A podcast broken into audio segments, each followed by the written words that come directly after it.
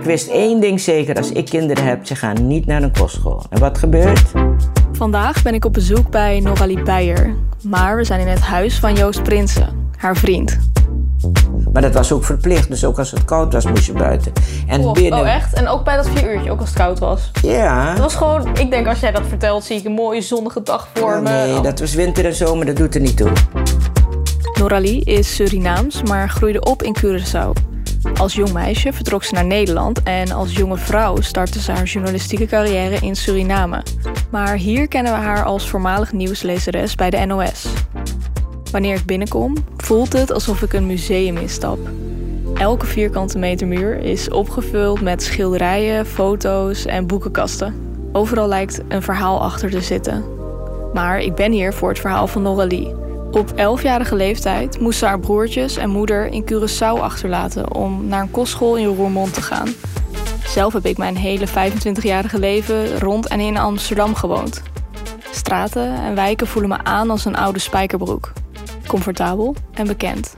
Hoe moet het zijn om op zo'n jonge leeftijd uit je vertrouwde omgeving gehaald te worden? Noralie, Ja, we gaan, ja. wat leuk dat ik bij jou Ja? je troostgerecht mag maken. Wat gaan we maken? We gaan een pompoenpannenkoek maken. Oké, En lekker. eh, ja, dat, ik hoop dat het lekker is. Dat je het lekker vindt, tenminste. Het is een gerecht wat heel veel gegeten wordt op Curaçao. En daar heet het arepa di pampuna. Arepa is pannenkoek en pampuna is pompoen. ja, Pompoen of pampoen, pompoen. wat je wilt, pompoen. Lekker, Nou, ik ben is, eh, benieuwd. ja, want pompoen wordt de laatste tijd dus wel veel gegeten hier in Nederland. Zeker, ik ben echt groot fan. Ik gebruik in een van mijn... Als ik moet bedenken wat mijn comfortfood is, dan linzen met ge... ge hoe heet het? Roosterde pompoen ook. Dus Oh ja, dat is heerlijk. Ja. Ja. Maar pompoen eet ik dus vanaf ik heel klein ben. En dan vond ik het al lekker. En toen ik eh, zwanger was van, van, mijn oudste, van mijn dochter, toen woonde ik in Suriname en toen Mhm. lustte ik ook nog steeds pompoen. En toen gaf mijn tante, die gaf me echt bijna elke dag maakte ze pompoen voor mij. Maar dan als Want het was goed als zwangere vrouw om te eten. Nee, het was goed als groente, sowieso. Er zit veel calcium in. Zit- het is gewoon heel goed. En, ehm, m- maar als een zwangere vrouw, volgens Surinaamse begrippen... bakerpraatjes eigenlijk zijn het, want het is niet Ja. bewezen.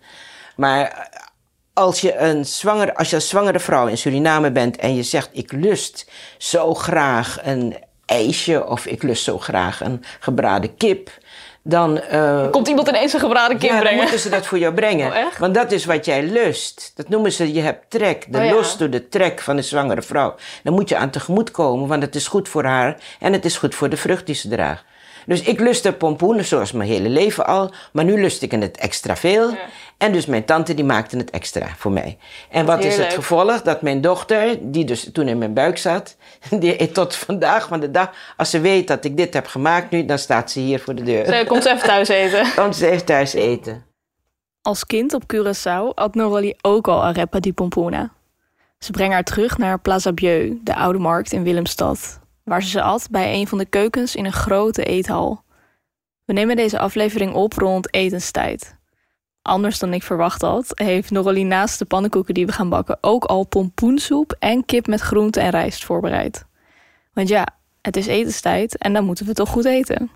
Terwijl Joost de kookkunsten van Noralie de hemel in prijst, schenkt hij een goed glas wijn in voor ons alle vier. Voor zichzelf, Noralie, geluidsman Chris en mij. De wijn is even nodig? Ja, dat is jouw wijn. Je, hebt zo Je moet sneller drinken, Chris. De wijn, die moet je niet warm laten worden. het is daar heel lekker wijntje, ja. Zoutdruk, hij is heel lekker. Maar ik heb een ander dan Chris, volgens mij. Ik zie hier, er staat hier dus al een pan met bereid eten. Maar Ja, hier staat een half. beslagkom met bloem erin. Ja. Eh, laten we aan de slag gaan. En er zit al suiker in. En er zit al een beetje bakpoeder in. En ik ga er nou ook een beetje vanille in doen. Een paar druppels vanille. Maar je kan ook vanillesuiker, maar die had ik niet. Dus Spannend, ik ik, doe heb de- nog nooit een dessert met, eh, met pompoen erin gegeten. Nee, een pompoenpannenkoek. Soms je kan hem, hij is ook een beetje machtig, dus je moet niet te veel eh, van tevoren eten. Dus ik zet er een paar druppels vanille in. En, eh, oh ja, de eieren moeten er natuurlijk in, twee eieren. Twee eitjes. Ik zie ook kaneel staan, melk. Ja, Als ik iets moet doen, moet je het zeggen, maar volgens mij... Eh, eh, nee, wacht even. Even dat ei breken, dat gooi ik erin. Ehm, hier nog een ei. Waar is de pompoen? Even wachten. Komt zo. Je moet, niet, je moet even geduld hebben. ongeduldig. Dus dit ga ik eh, nou klutsen. Of hoe noem je dat? Mengen, hè? Mixen. Mixen. Ik, wij zeggen klutsen. Met de hand dan. Nou ja. Ik Dit heet gewoon klutsen. Ja, dit, dit, ik doe het nou met, met die... met die machine, hè? Met die mixer. Dat geeft mij dan wel weer een nostalgisch gevoel, pannenkoeken eten. Ja, hè? Op vrijdagavond pannenkoeken met kaas en een glas cola. Pannenkoeken met kaas, dat vond ik ook zo raar. Want wij aten wel pannenkoeken thuis, maar er waren altijd zoete pannenkoeken. Oh ja? Met zoet, ja. Nog iets meer of is het goed? Eh, ik kan nog iets, ietsje meer. Ja, stop. En nou ga ik dus ook die, eh, die pompoen erbij doen. Want je vroeg me waar is die pompoen. Kijk hier. Aha. Zal ik het even pakken? Ja, Al in de pan, helemaal voorbereid, joh. ja dus die pompoen die moet je dus koken in water. En dan, eh, We zien hier nu een soort eh pompoenpurry, eigenlijk. het is een pompoenpuree, dat is het. En dat gaan we er doorheen En dan moet je doen. er doorheen doen. Ik zet deze bordje even Hier heb je een lepel. met een lepel.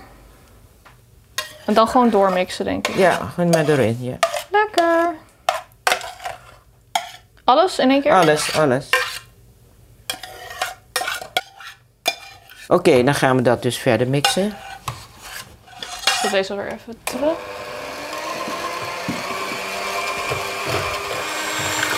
Ik kan misschien het vuur alvast aanmaken onder die pan hier.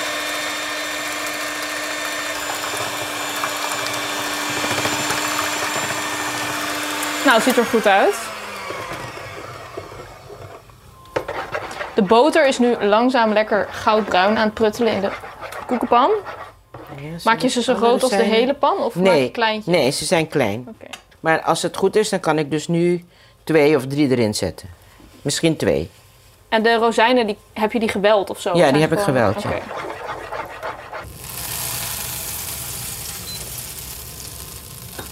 Hmm. Oké, de eerste Oké, de eerste gaat erin, hè? Oh de pannenkoek wordt ondertussen lekker dik. Er komen allemaal bubbeltjes. Alsof die een beetje aan het rijzen is of zo. Oh, het fornuis is eh, om. Altijd spannend. Ja. Yay. Oh, nee. gebroken. Nou, dat is de eerste. De eerste gaat altijd fout. Wat een mooi kleurtje wel. Hij is echt geel. Veel Ja. geler. Dat komt door die pompoen, denk ik. Nou, zo'n pannenkoek lusten we wel. Nou, je mag deze wel, je mag hem wel keuren. Ja, ik heb honger. Je moet even wachten nog. Oké, schat. Kan je nog even wachten? Ik bak even die pannenkoeken erbij. af en dan gaan we eten. Maar je, als je dit allemaal opeet, Joost, dan eet je straks niet meer. Ja, ik, ik, ik proef alleen een hapje, man. Je moet alleen proeven, ja. Dat is wel. De mensen staan te springen om je eten, Noali. Ja. Ja, inderdaad. De gastvrijheid springt er vanaf en het voelt alsof we zomaar een avondje zijn uitgenodigd bij het stel. Weet je nog de dag dat jouw moeder jou vertelde dat je naar een kostschool zou gaan? Ik kan me heel goed herinneren dat ik naar kostschool zou gaan. Dat wilde ik, vond ik ook wel spannend, vond ik ook wel leuk. Het was een, een, soort van een noodgreep toch van mijn moeder, omdat mijn vader was overleden. En wij zijn met z'n zessen thuis. Dus het was voor haar vrij, vrij zwaar hè, om nou het leven alleen aan te gaan met zes kinderen, want ze werkte altijd al. Dus ze moesten nou en werken en voor die zes kinderen zorgen, het huishouden doen. Mijn vader deed veel in het huishouden. En mijn vader deed veel met ons. Dus, dus dat, ik denk dat dat voor haar ook heel zwaar was. Het idee dat zij dat allemaal alleen moest doen. Dus heeft ze de mogelijkheid aangegrepen om eh, de drie oudste kinderen naar Nederland te sturen. En, hoe, was- hoe, hoe kort was dat dan nadat jouw vader overleed? Een jaar. Een jaar daarna, ja. En dus liet haar moeder Noralie een aantal brochures zien van verschillende kostscholen in Nederland. De keuze was makkelijk gemaakt. Een vriendinnetje van Noralie ging naar een kostschool in Roermond, dus dat zou het worden. En ze had er zin in. Het onbekende lachte haar toe als één groot avontuur.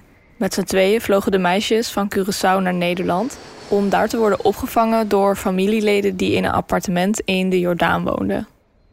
Ja, het was allemaal heel klein en donker, weet ik. Je kon niet zomaar naar buiten. Die bedden waren smal en klein. En ik moest met mijn moeder in, be- in één bed liggen. Tja, elk avontuur kent ook zijn decepties.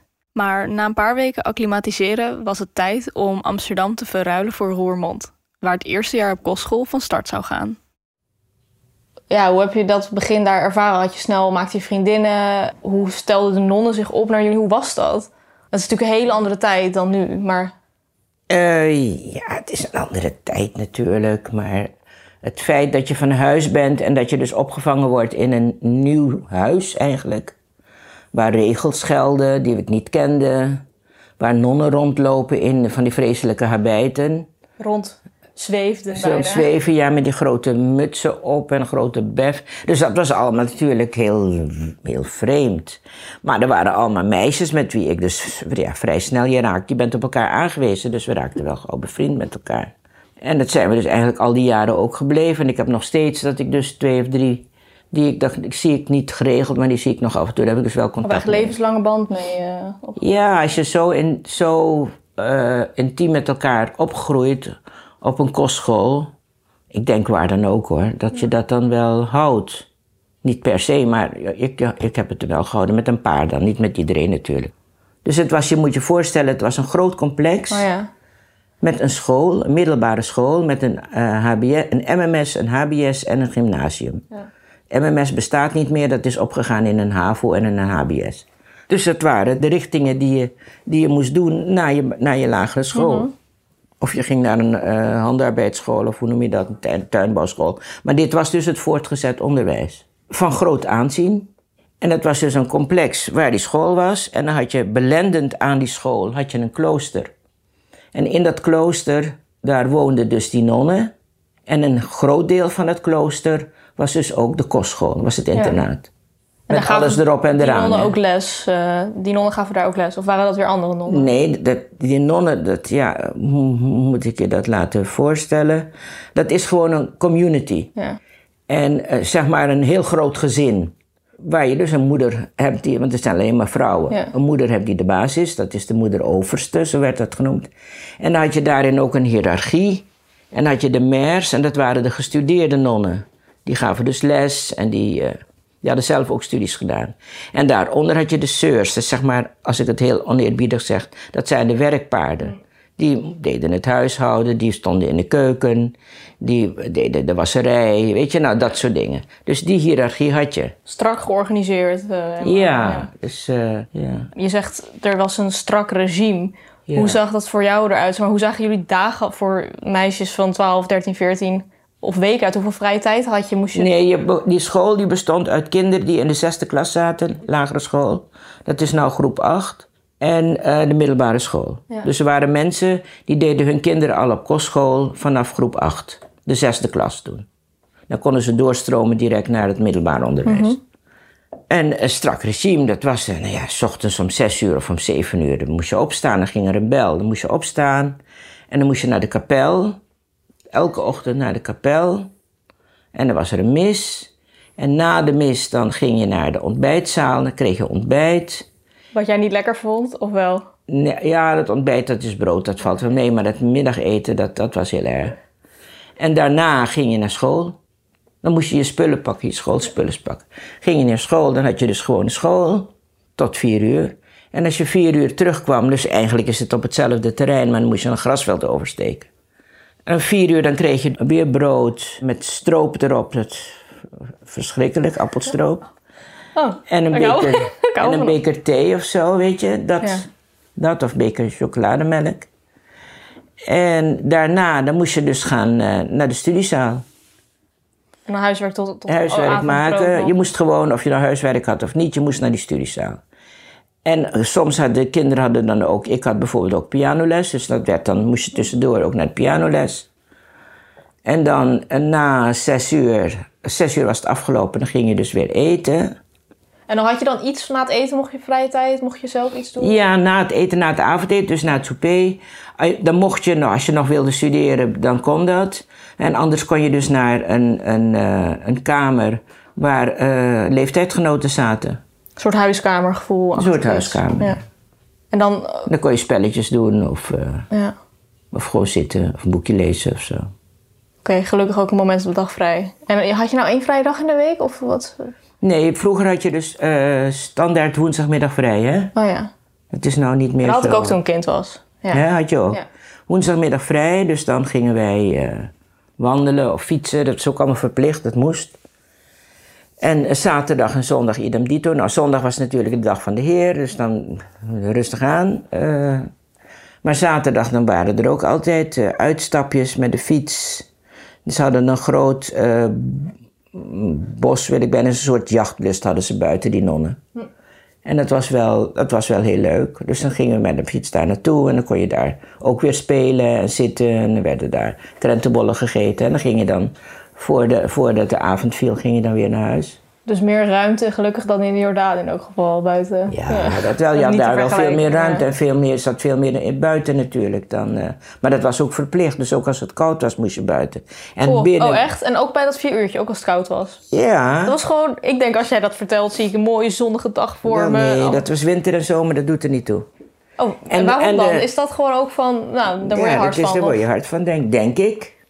En de verwarming stond altijd heel laag. Oh.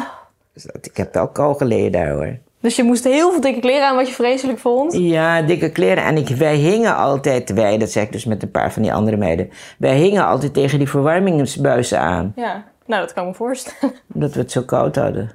Waren er meer van dat soort dingen? Dus verwarming, koud, buiten, lunch.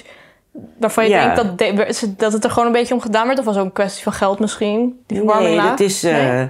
dat is eh, ja, hoe moet je dat noemen? Eh, dat is streng. Ja. Dat is, zo doe je dat. Het is net zoals jongens in het leger moesten gaan.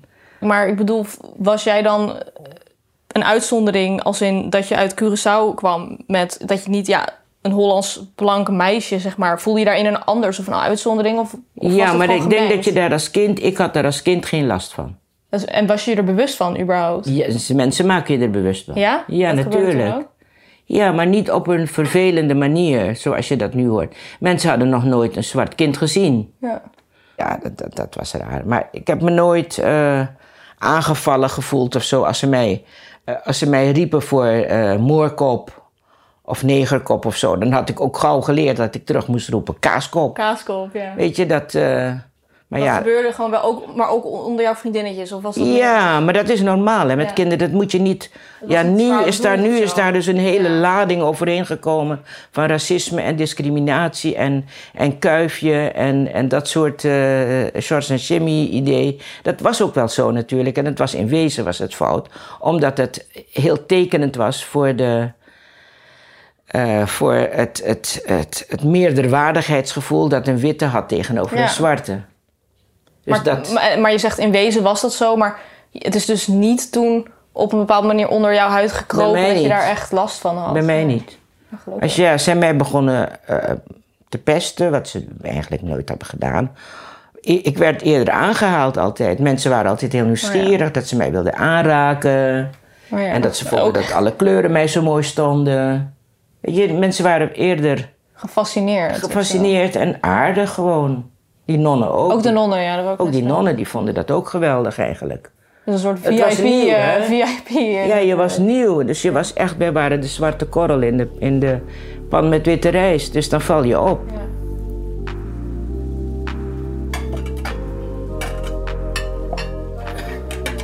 Verkeerde, sorry. Oh, Dit is mijn bastardsuiker. Dan pak je chalijsuiker. Dit is bastardsuiker hier. moet ik iets van bordjes... eh, oh. Leeg. Goed, maar we gaan eten. We gaan eerst soep eten. Soep. Het is een pompoensoep. Eerst krijg Toch? je pompoensoep. Ik ben helemaal verrast dat je van alles hebt gemaakt voordat wij hier... eh, Ja, natuurlijk. Je moet eten. Een mens moet eten. een mens moet eten. Dat is zo.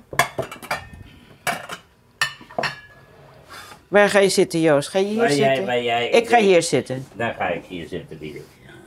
De, waar dit mes voor is. Dit. Ja, dat mes het is voor straks misschien. Fel oranje pompoensoep. En wat is dit? Is dit platte peterselie? Ja, is platte En peterselie. bosui. Lekker. Ziet er goed uit. Mmm. Lekker. Soep is ook een, eh Soep is ook een van pompoen. Ja, toch? dat een is, echt, troostgerecht. dat is echt wel. Soep is echt, eh echt comfortfood.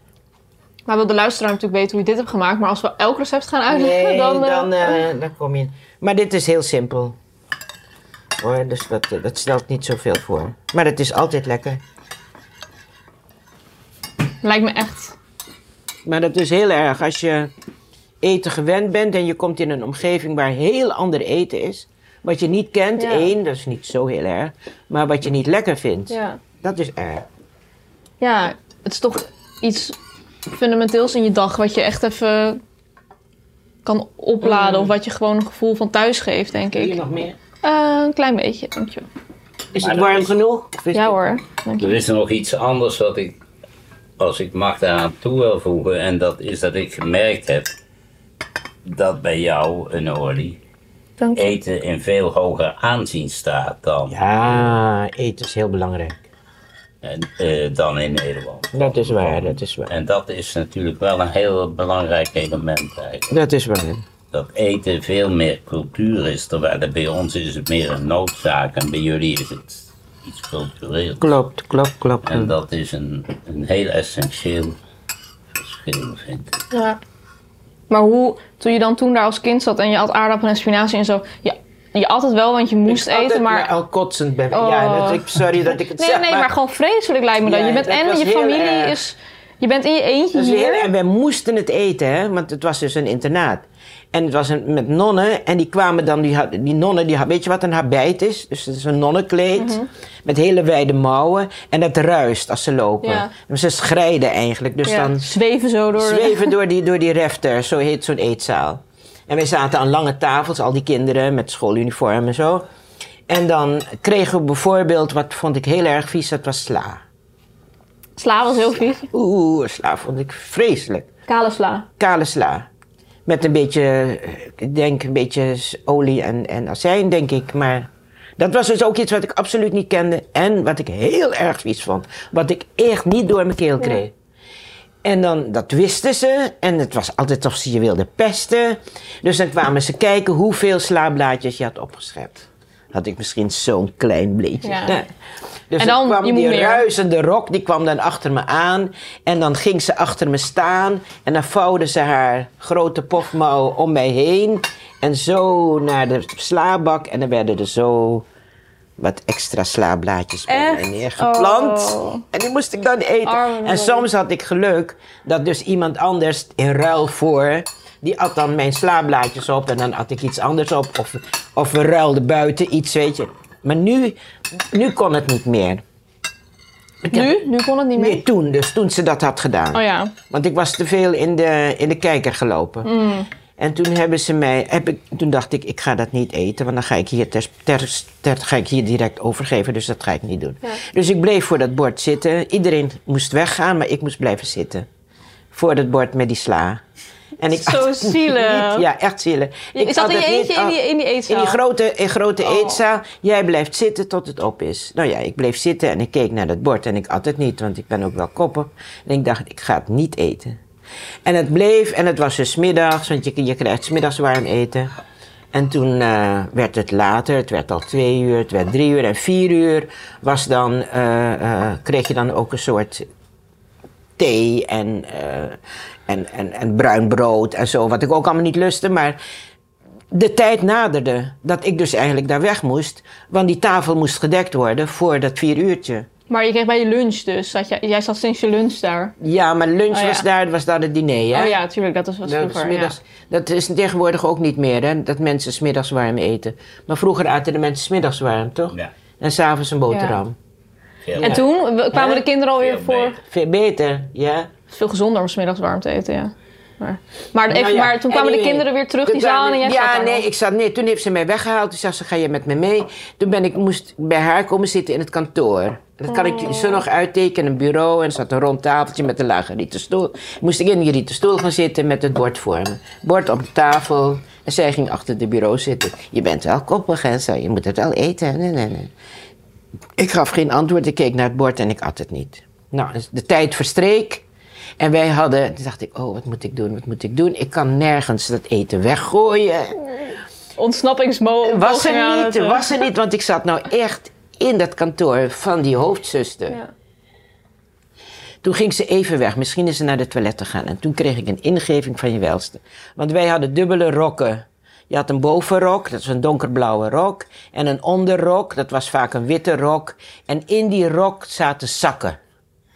En die, en die blauwe bovenrok, die had dus zo'n split. Weet je, dat je zo Tussen- in die split tussen in die zak kon komen die in die onderrok zat. En toen dacht ik, dat is de plek waar de sla heen gaat.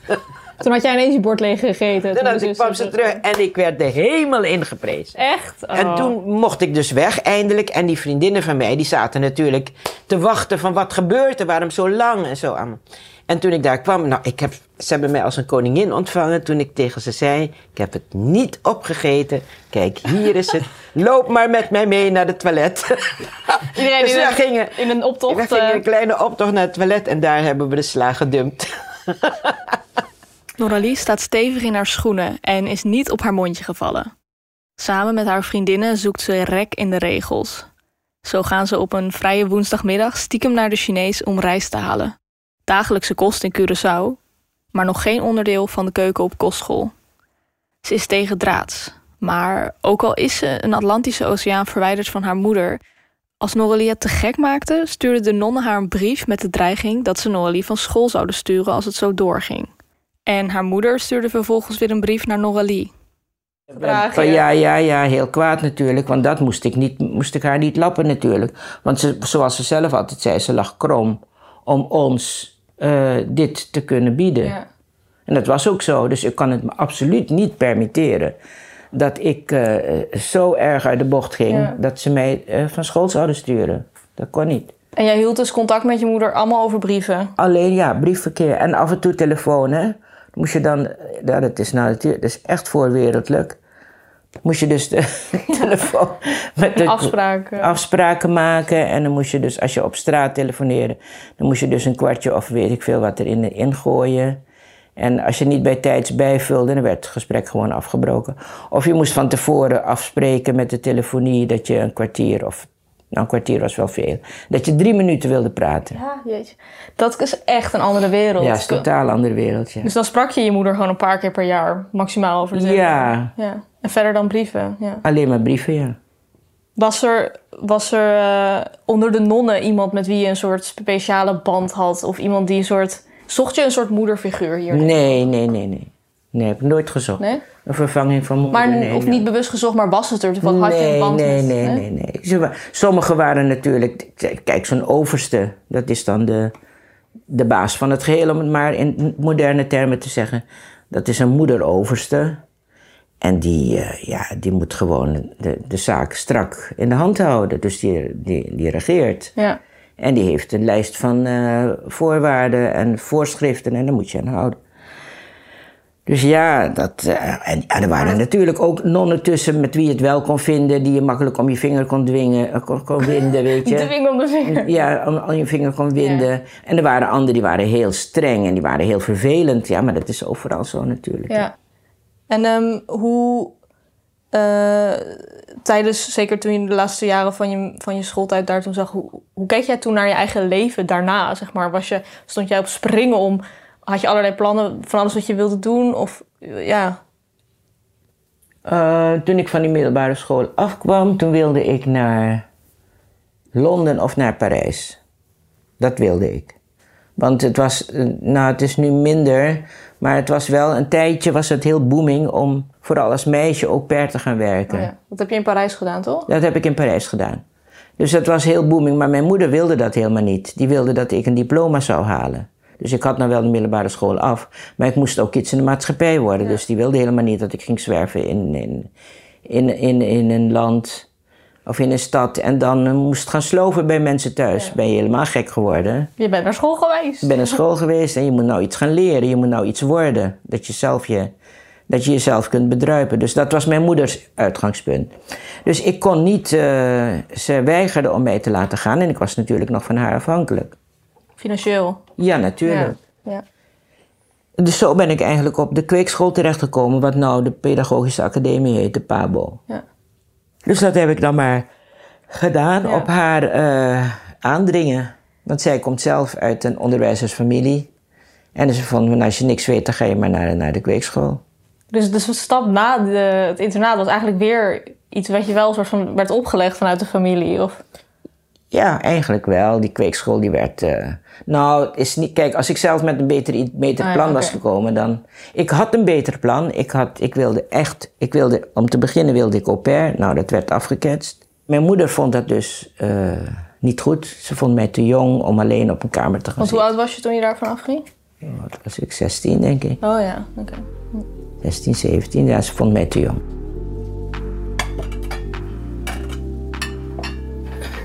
Die messen gemaakt voor de... Oh, lekker. die zijn alleen maar kleine messen. En zoals je Oh ja. Messen-.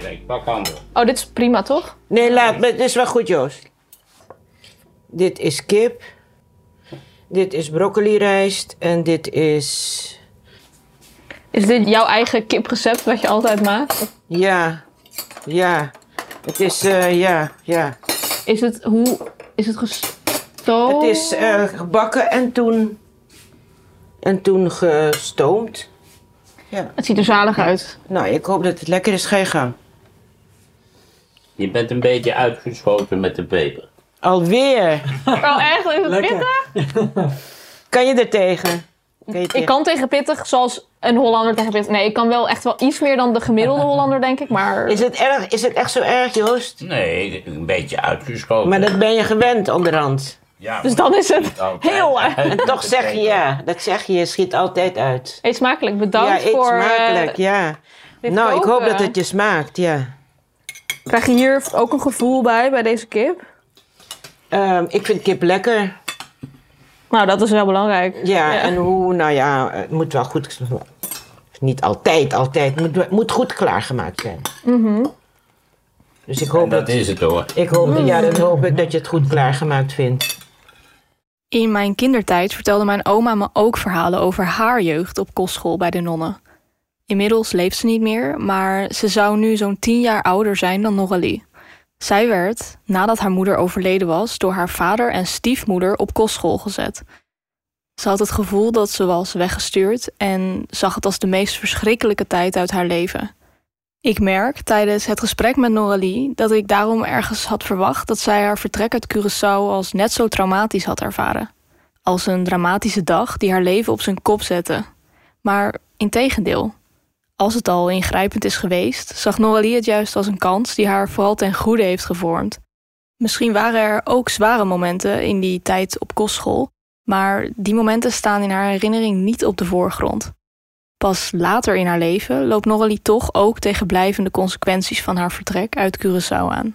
Ik vind dat ik er niet slechter van ben geworden. Laat ik het zo zeggen. Ik heb er veel van geleerd. Ik ben heel zelfstandig geworden juist daardoor. Dat sowieso. Ik heb heel veel mensen leren kennen. Weet je, mensen, gewoontes en zo. Dus dat, en dat vind ik voor mezelf, het is mij allemaal ten goede gekomen. Je bent een hele wereldwijze vrouw, denk ik. En dat heb je in je werk. Nou ook. ja, ik, vind dat het mij ten goede is gekomen. Ik ben er niet slechter van geworden. Het heeft mij gevormd. Ja. En ik vind niet dat het mij in mijn nadeel heeft gevormd. Nee. Nou, dat is, dat is een fijn gevoel. Ja, dat, het is heel dat had fijn. ook anders kunnen Maar zijn, ik ja. zou het mijn kinderen niet toewensen. Nee, want hoe heb je dit in jouw de opvoeding met jouw kinderen? Dat heeft Nee, dus ik wist eh, één ding zeker. Als ik kinderen heb, ze gaan niet naar een kostschool. En wat gebeurt? Dat is gebeurd. Ja, ze zijn wel, eentje is wel naar een kostschool Nee. gegaan. Ja, maar dat is het lot wat je dus, dat is het lot wat je dus niet in, in je hand kan Maar hoe nemen. kwam dat dan? Want dat was Ja, wel... het is een samenloop van omstandigheden. Op een gegeven moment denk ik, "Hè, dat heb ik toch nooit gewild en nou gebeurt het toch. En was Ja, dat, dat ook dat je zo naar een ander land zelfs, toch? Dan waar ja, jij wij zat? zaten in Suriname en hij wilde, hij was dus ook van de, middelbaar, van de basisschool af. En hij ging dus nu naar de middelbare school. Maar hij kon in Suriname, zou in Suriname blijven. Ja. Maar hij wilde naar zijn grootmoeder. Hier in Nederland, want die kende hij, is ook hier geboren en zo. Hij wilde graag naar zijn grootmoeder, want hij had Suriname had hij wel gezien. Hij was ook 11 of 12. Op 11 en 12 zeggen, nou, ik heb het hier wel gezien. Dat had ik niet nee, gedaan om die leeftijd. Nee, jij niet, maar hij was een hele, Ook een hele vrij sterke gevochten jongen, ja. Jeetje. Oh nee, ik, ik niet, maar... Nee. Dus dat zei hij, maar ik zei van nee, je gaat niet naar je grootmoeder, want die grootmoeder die heeft al genoeg kinderen opgevoed, daar ga je niet bij zitten. Ja, Van jou, jouw moeder of van je man? toen? Nee, van mijn man. Maar toen is mijn eh, man met hem naar Nederland gekomen voor vakantie. En eh, ik had me nog niet, bij wijze van spreken, nog niet eens omgedraaid of ik kreeg een brief van dat hij daar bleef. denk ik van dat hadden we toch niet, hadden we toch juist afgesproken Ja. dat dat niet zou gebeuren. Maar eh, hij, dus zijn vader, mijn, mijn ex-man, die had dus een, een baan aangeboden gekregen van buitenlandse zaken in Jamaica. En via die baan kon je dus je kinderen een opleiding eh, geven. Eh, Ja. werd de opleiding betaald. Want de kinderen moesten dan hier blijven. Die konden dan vaak niet mee Oh ja. naar al die ontwikkelingslanden. Dus er was, zijn voorzieningen, die zijn er volgens mij nog steeds. Dat die kinderen dan dus hier blijven op kosten van... Of dat wordt dan verrekend in je salaris. Dus dat was Dus 1 zo en 1 is- 2 met de wens van je zoon. Ja, Maar hoe was dat voor jou dan? ik was verbaasd. Ik denk van verdomme, dat was toch niet de afspraak? Ja. Maar verbaasd, was er dan ook echt een soort verdriet? Of, want je moet Nee, er ineens... verdriet, nee? want verdriet niet, want ik wist dat hij graag in Nederland wilde Ja, blijven. Maar ja, het is zo gebeurd. Toen denk ik van, zie je hoe, een, hoe, het, hoe het, het leven zijn eigen wendingen... De geschiedenis herhaalt zich. Ja, op zo'n manier. Als ik één ding zeker wist, en het is dus niet dat ik, dat ik mijn kinderen niet ook naar een internaat wilde sturen. Waarom wist je dat zo zeker? Want, Omdat ik dat zelf natuurlijk had gehad. Ja, dat maar- wenste maar- ik maar- mijn kinderen niet toe. En waarom niet? Want had het... nee, dat vond ik niet. Dat was, uh, was passé. Dat, was, eh, dat heb ik gehad. En als ik erop terugkijk, dan denk ik van ja, oké, het is zo gelopen zoals het liep. Maar het is niet wat ik mijn kinderen toewenste. Want jij was toen zelf moeder en jij hebt je moeder dus ook van je elf tot je... Ik weet niet welke leeftijd, amper gezien, denk ik. Klopt. Klopt. Ging je toen wel... Klopt. Ja, wat zeg Ging je? wel nog... ah, Ben je afdoenbaar geweest of echt amper? Wat? Waar ben Ben je, ben je, heb je haar nog kunnen opzoeken in zomers of iets dergelijks? Nee, dat kon natuurlijk Dat kon niet. ook niet. Nee, dat kon niet. Dat, die reizen die waren hartstikke duur. En die duurden heel erg lang. Dat is, waren andere tijden hoor. Maar wat heeft dat, dat betekend voor de band met jouw moeder? Tussen jou en jouw moeder? Ehm, dat die slapper is geworden. Echt substantieel. eh, ja. ja. Ze heeft natuurlijk een tijd van je Ja. ontwikkeling. Ja. Maar ook dat hangt, hangt af van wie je bent. Want ik ken ook andere mensen, dus met mij, andere kinderen die met mij daar op die kostschool zaten, die dat helemaal niet hadden. Die heel hecht bleef met Ja, En is dat dan daarna bij jou nog veranderd? Kreeg je toen behoefte om dat weer heel erg op te bouwen? nee, want of- het is een cruciale leeftijd, hè? Als je van die 11e tot je 16, 16 was het 15, 16? 16, ja, het is vijf jaar.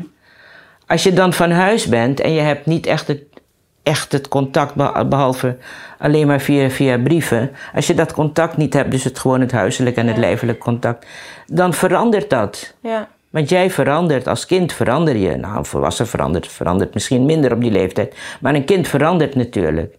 Dus, en ik had dat contact met mijn moeder, dat was, dat was er niet, dat was verwaterd. Hoe was het dan toen je haar daarna weer zag? Was het alsof, bijna alsof je een vreemde... eh, Nou, vreemd is, vreemd is een groot woord, maar je moest elkaar wel weer leren kennen. En ik was nou veel groter, ik was niet meer het kind tegen wie zij kon zeggen, je doet dit en doe dat. Ja. ja, je hebt een hele rugzak eh, met eh, jaren erbij. Ja. Dus dat is heel, heel, dat is heel anders. En heb je dat meegedragen als iets, als een gemis? Of, of was het zo? Nou ja, daarom zeg ik, ik wilde dat mijn kinderen Ja. dus niet aandoen. Ik, ik, ik vind dus dat je kinderen, als het enigszins kan, natuurlijk, dat je je kinderen bij je moet houden tot ze min of meer volwassen zijn. Ja. Als ze eerder de deur uit kunnen gaan, omdat ze daartoe in staat zijn, oké. Maar ik vind dat je als ouder je kind zoveel mogelijk bij je moet houden, zeker in die puberteit. Anders ontgroei je elkaar. En dat wilde ik dus niet met mijn kinderen Nee. omdat ik dat zelf had ervaren. En heb je dat ooit die moeder kwalijk genomen? Of begreep je helemaal, begrijp je Ik heb mijn moeder nooit kwalijk kunnen nemen. Ik heb één keer, tegen haar, één keer tegen haar gezegd dat dat dus wel een gevolg was van haar eh, acties. En toen is ze heel boos op mij geworden. En terecht.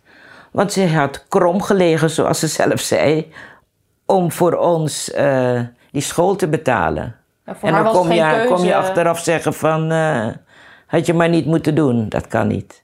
Nou, ja, het, nou ja, dat is echt een hele lastige situatie. Want zij heeft natuurlijk krom gelegen voor, maar het is ook jouw gevoel wat je moest uiten van dit is wat het betekend heeft voor ons uiteindelijk. Maar het is logisch dat het voor haar heel moeilijk is om te horen. Want ik denk dat zij jou ook liever bij zich had gehouden. Dat weet ik niet. Dat, eh, Nee? ze, dat is wat, dit, dit is wat ze gedaan heeft. En dat heeft ze met beste wil gedaan. Ja, Ze had het echt heel goed met ons voor natuurlijk. ja. Ook met zichzelf, want ik had je verteld, dat, dat was, zij was in een, in een benarde situatie terechtgekomen. Maar dat bedoel Dus ze ik. moest, ja. ze moest wel iets doen. Ja. En dat, dat ze dit kon doen, dat was voor haar natuurlijk een hele goede oplossing. Dan moet je achteraf, moet het kind niet komen vertellen van, nou ja, het eigenlijk dit en dat. Ja. ja, dat is gewoon heel pijnlijk natuurlijk. Maar niet gek dat jij dat ook eh, moest uiten bij haar, toch? Maar Ja, maar ik heb het, dat wat ik zei, ik heb het dus één keer gedaan Ja. en toen zag ik haar reactie en dacht ik, nou, dat is echt niet goed, dat mag ik nooit meer zeggen. Oh ja. En, en dat jouw vader daar net een jaar voor overleed. Dus dat de rouw daarvan, is dat tijdens kostschooltijd gekomen of daarna? Of hoe is dat dan voor jou geweest? Want het is zoveel verandering. Dat, dat vind ik ook wel heel interessant om te, om te lezen of om te horen hoe kinderen met rouw omgaan.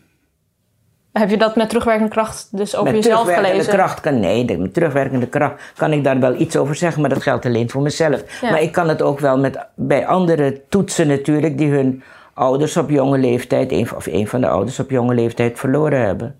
Maar hoe, want je hebt erover gelezen, dus wat herkende je dan over jezelf? Ja, dat kinderen gaan daar heel anders mee om. Ik, ik weet het, één, één, één voorbeeld. Mijn vader was dood. En eh, wat is dood? Ik had, wel Oh een dode, ja. ik had wel dode kippen gezien en wij maakten konijnen dood. Weet je, dus dat soort dingen. Je maakte En konijnen dood. Wij maakten konijnen dood om ze op te eten. Oké, oké. zo- Ja. ja. Dat deden we met kippen ook natuurlijk. Dus, dat, eh, dat, dus wat is dood? Maar nou gaat een dier dood of een mens dood wat zo dicht bij je Ja. staat. Dat is dus voor een kind heel, heel vreemd om dat te, te, te verwerken. En toch toen mijn broertje, dus die is één jaar jonger dan ik, aan mij vroeg... Wat is dood? En ik was dus elf of tien was ik. Hij was, hij was acht of negen. En toen zei ik alleen maar van ja, wat ik toen wist, hij komt niet meer terug. En denk je dat daarmee dan toch toen soort van langzaam dat besef is ingedaald? Of heb je later in je leven daar nog een klap van pas gehad? veel later komt het. Ja. Toen is het bij mij gekomen dat ik dus een vader mis. Ik heb de indruk gekregen dat Noralie zichzelf niet zo snel op de borst zal kloppen over wat ze allemaal bereikt heeft. Ze is terughoudend met het doen van oordelen. Over anderen, over situaties, maar ook over zichzelf. Ik weet niet of dit wortel schiet in bescheidenheid of in een journalistieke levenshouding. Misschien allebei.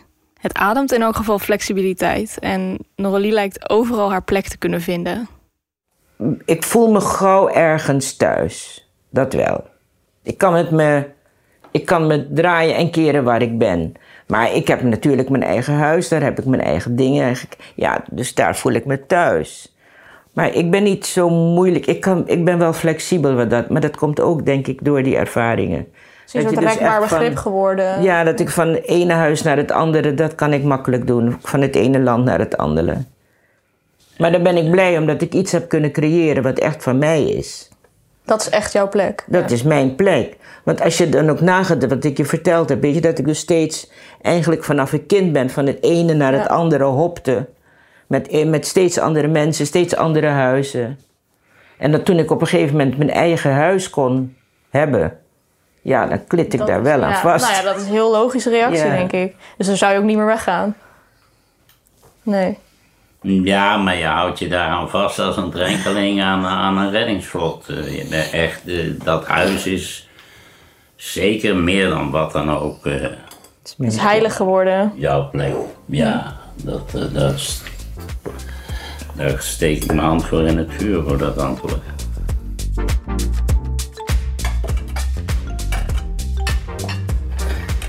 Daar gaat hij, de Arepa di Pampona. Enorm prachtige stapel. Ze zien er echt goed, goed eh, goudbruin mooi uit. Dank je. Ja. Vind je lekker? Ja, heel lekker. Maar ik heb er alleen op, hè. Voor Oh. het eten had je me er toch alleen gegeven omdat ik zo'n honger had. Ah, maar we kunnen er allemaal vijf eten, toch? Hm? We kunnen er al vijf eten. Jullie moeten wel doorgaan met eten, want anders zit, zitten wij ermee. Hooguit nog eentje. Deze podcast werd gemaakt door mij, Lonneke Bijman. Geluidstechniek Christian Knoop. Redactie Kim Kabbedijk. Mixage De Audio. De cover werd ontworpen door Eliane Koolstra. En met speciale dank aan Joep Boersma. Troostgerechten is een productie binnen Talpa's project The Cast. Oh ja, en heb je genoten van deze aflevering? Steun ons dan door een beoordeling achter te laten op Spotify. Dankjewel.